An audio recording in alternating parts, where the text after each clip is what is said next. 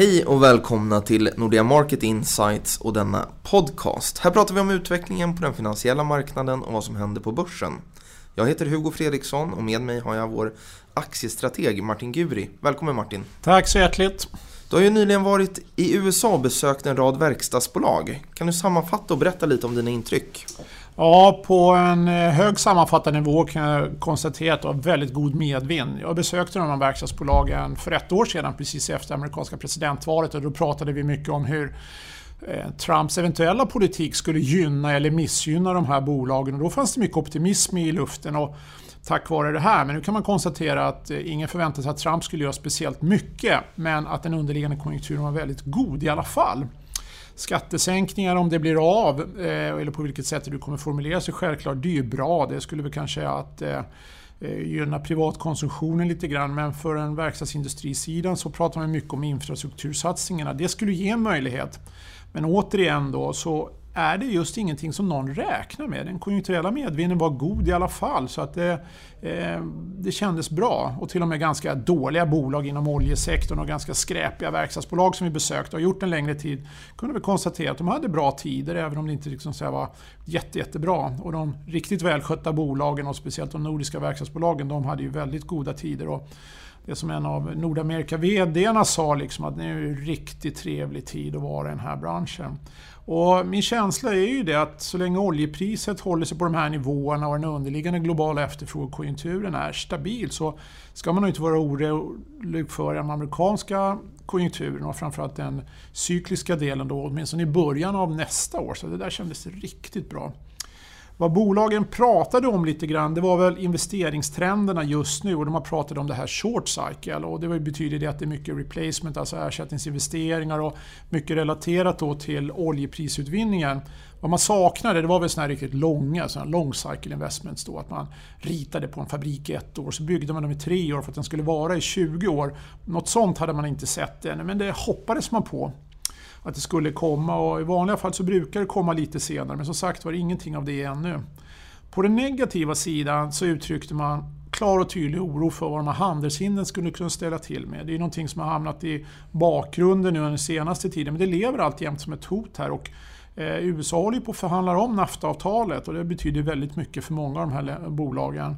Och det ska vara klart under första kvartalet nästa år. Det skulle kunna innebära någon form av skatter eller tullar för bolag som importerar gods ifrån Mexiko eh, eller delar som man sen sätter ihop i USA. Och det gör att det är väldigt svårt att prognostisera exakt och deras vinst och eh, marginalutveckling för kommande år. Och det politiska syftet är självklart tydligt. Man ska producera och göra allting i USA och allt annat kommer straffas. Och det är en del av agendan som sagt var. Så det här med skattesänkningar eller Trumps politik, det är både tagande och givande. Men på kort sikt i alla fall, lite på marginalen positivare kan nog politikerna bidra med. Men underliggande så är konjunkturen så god så att man eh, behöver kanske inte så mycket av det heller. Det talades rätt mycket om megatrender. Kan du berätta lite mer? Ja, det finns tre stycken megatrender som man talade väldigt mycket om och det är egentligen ingenting nytt. Det som jag tyckte var allra mest intressant det var att man talade om att det finns mer eller mindre överallt. Den första trenden som vi känner igen och som vi har mycket av här hemma det är självklart digitalisering i någon form av bred bemärkelse. Det är IT överallt. Man stoppar in komponenter, man mäter, man är effektivare med hjälp av teknik. Man ger gamla tråkiga verkstadsprylar mera liv och innehåll tack vare ny teknik. Och det här kom på bred front. Och vi som följer utvecklingen noga har ju sett det här komma men eh, jag faktiskt måste säga att jag var imponerad över hur, hur mycket teknik man kunde stoppa in i ganska tråkiga verkstadsprylar och hur fantastiskt väl det här fungerar. Och hur man så att säga gör sig mindre och mindre beroende av människor och man gör sig också mindre beroende av den känslighet som det innebär och robotifieringen är ju fantastiskt bra. Den andra dimensionen som man pratar generellt sett om inom verkstadsindustrin är att man försöker öka serviceinnehållet i erbjudandet. Det är ju ingenting nytt då, men klassisk konjunkturkänslig verkstad det är ju liksom beroende av volym och om de åker upp och ner med konjunkturen, avkastning på eget kapital och allt annat återspeglas ju det här och man brukar ju kalla att kvaliteten är ganska dålig på de vinster man får. Men genom att stoppa in mer och mer service i sitt erbjudande så blir man ju mindre och mindre konjunkturberoende. Och det här går väldigt snabbt. Jag tycker inom alla branscher och även om man pratar mycket om det här så tycker jag att till och med amerikanerna var riktigt på hugget. Till och med ända ner till de här som Baker Hughes och Halliburton, Ingersoll Rand och som verkligen eh, bara jobbar med oljerelaterat, ganska basic grejer så var det mycket det på tapeten. Mera service, mindre känslighet för framtiden. Lite grann på samma tema så kan man ta upp den tredje stora megatrenden som vi självklart har umgåtts med en längre tid här, men det är allting som man ska kalla för grön ekonomi. Miljöhänsyn. Och det intressanta här är att man kan ju tycka att amerikanerna är sådär lite hårdnackade och inte alls speciellt intresserade av miljöfrågorna, men så är det nog inte när man tittar på bolagen. Skulle nog säga att eh, vara miljöcertifierad eller ha en hög miljömedvetenhet eller så att säga vara lite framåt på det området. Det är viktigt både för den som är kund, för han bedömer företagen och för företagen i sig också när de producerar saker och ting för att kunna vara en attraktiv arbetsgivare. Så den riktigt stora trenden som vi pratar om väldigt mycket här i Sverige och Norden, det märktes också väldigt tydligt i USA och till och med i sån här klassisk, ganska tung och tråkig industri faktiskt. Så digitalisering, service och grön våg, det var sånt jag märkte av, pratades mycket om faktiskt. Skulle du kunna ge några exempel på bolagsnivå? Jag skulle kunna prata till exempel om det här med mera service. Volvo i Nordamerika då, som jobbar tillsammans med Mac, eh, de har en servicetjänst som heter Uptime. Grovt förenklat så går det ut på att lastbilarna de självdiagnostiserar sig. I vanliga fall så får man ju åka in på service med jämna mellanrum eller så går lastbilen sönder och då står den där. Då tar det fyra dagar i genomsnitt att få den reparerad. Nu så diagnostiserar lastbilarna sig själva regelbundet och när de märker att det är någonting som är på väg att bli fel, då skickas en signal till Volvo. De har alla 90 000 lastbilar under kontroll och jag kom fram till en jättestor vägg där de hade alla bilar med problem upplottade. Det var helt magiskt att se. Och så kommer man till ett callcenter och callcentret ringer upp lastbilsägaren och talar om vad som eventuellt är på väg att hända, vad de eventuellt kan erbjuda service. Och de kollar då att de här reservdelarna finns där. Och för den som äger lastbilen så är det ett ganska enkelt val. Det är väl klart att man hellre åker in och byter ut den här grejen innan den har gått sönder, det kanske tar några timmar, än att bilen rasar och i genomsnitt står stilla i fyra dagar. Och den som tar den här servicen tänker inte så mycket på priset utan man vill nog bara få det gjort och det är ju en win-win situation. Och det här kan man då säga tycker jag är ett jättetydligt exempel på mer egen service, att mindre hårdvara, mera service och det är väl det som ska driva ebit-marginalen här framöver, de blir mindre konjunkturkänslig. ABB är ett annat exempel. De är kända för sitt teknikinnehåll men när man ser hur långt man har tagit och stoppat in såna här mätare och kontrollapparatur i alla typer av eh, industriell apparatur så, så, förstår man ju det att serviceinnehållet och på liknande sätt som i Volvo då, att de ska skicka signaler om att man behöver byta, man behöver förbättra eller göra någonting annat. Det kommer driva på utvecklingen och också är stabilare service längre fram. Så att, eh, det var ganska tydligt på bolagsnivå att de två är bra exempel. Intressant. Det låter som att den industriella konjunkturen i USA går in i 2018 med, med god medvind och att skattesänkningarna dessutom kan ge en liten extra knuff. Eh, vi närmar oss nu årsskiftet med raska steg. Va, vad ser du framför dig där? Ja, i stora drag så tycker jag nog att vad det gäller den underliggande industriella konjunkturen så illustrerar besöket i USA det ganska väl. Vi har det här året, som vi snart lägger bakom oss, otroligt stark efterfrågan rent generellt sett på på kapitalvaror. Det handlar, man kan säga grovt förenklat, det är ett investeringsår. Och det är globalt. Vi ser det överallt, i alla kontinenter så kommer det tillbaks. Vi hade en rejäl svacka 2015 och 2016 och nu kommer det tillbaks. Investeringarna går i en positiv trend och eh, orderläget är också en positiv eh, trend och de industriproduktionen med det. Så att vi kommer gå in i året med väldigt god eh, medvind. Sen är grundbilden det att de här faktorerna kommer gradvis tappa fart under året. Räkna med att ledande indikatorer kommer börja toppa kring de här nivåerna och det brukar vara tecken på att ja, inom två, tre kvartal så rullar det över. Så om vi tittar in i 2019 om ett år, då tror jag att tonläget kommer vara betydligt mera återhållsamt om prognoserna är hyggligt rätt.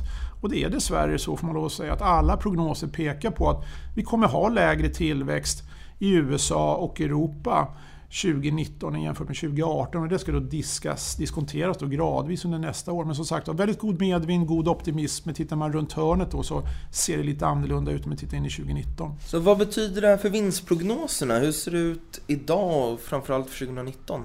Ja, det ser fortsatt väldigt stabilt ut. Det finns ju ingen anledning egentligen att ifrågasätta vinstprognoserna för 2018 så värst mycket. De varierar mellan 8 och 10 procent beroende på var man är i världen. Tittar man på global nivå, låt säga i runda tal 9 procent. Kruxet här det är ju det att vinstprognoserna 2019 räkna, beräknas öka lika mycket. Ungefär runt 9% mellan 8 och 11% beroende på var i världen. Och eh, med den makrogrundbilden som vi har så stämmer inte det. Alltså det funkar inte, någonting måste ge sig. Och börjar man gräva lite grann i detaljerna så ser vi det när vi gör sådana här kvantkörningar då att ungefär runt 90% av alla bolag förväntas få bättre ebit-marginaler båda åren och marginalerna i sig väntas fortsätta stiga rätt linjärt.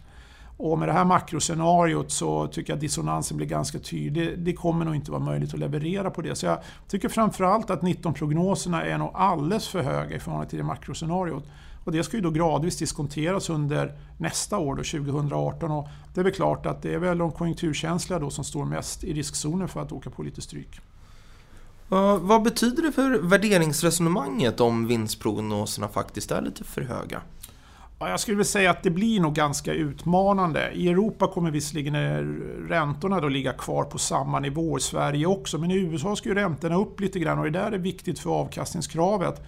Och det är väl också viktigt när man så att säga, sträcker ut värderingen som man gör överallt nu, att de håller hyggligt prognoserna. Så att det kan väl innebära två saker. Det ena är väl att det kan ske en sån här riktig setback. Det kommer det troligtvis göra. De senaste åren har det alltid varit minst eller en eller två gånger under året och börsen har gått ner 10% och det liksom skakar ur lite grann. Det får man ju räkna med, det kommer ske nästa år också. Sen ska det väl liksom komma tillbaks men det kanske inte kommer tillbaks lika starkt som vi har varit vana vid för att jag tror som sagt att man måste anpassa sig till en lägre vinsttillväxt framförallt för 2019 och eh, Säg att vi bara har halva den vinsttillväxten som vi har i prognoserna idag, då är det ett annat värderingsresonemang som gäller. Så det kan bli ganska tufft. Och det innebär ju också att intrabörs så kommer det att vara rotation helt enkelt. Tror man kommer mer och mer överge, eller åtminstone bli mer och mer försiktigt inställd till de cykliskt känsliga bolagen och gå mer åt det defensiva eller köpa tillväxt till varje pris. Så vad kan man tänka sig kommer ske på, på sektornivå? Ja, ska man måla upp någon form av scenario då över helåret så tror jag då att det blir gradvis mer defensivt. Om jag har rätt i min grundbild så tror jag de allra flesta kommer vara inne på det spåret lagom till midsommar. För då har vi så att säga visibilitet in i midsommar 2019. Då kommer alla vara där. Och det innebär ju det att då kommer man nog ha övergett de här konjunkturkänsliga bolagen. Även om vinsterna fortsätter upp ett tag så förstår ju alla vad som väntar runt hörnet. Jag tror marginalköparna inte finns där. Så konjunkturkänsliga sektorer och bolag, allting från klassisk verkstad till bank, tror jag kommer få ganska tufft i det klimatet. Är det bråttom eller när ska man börja den här rotationen?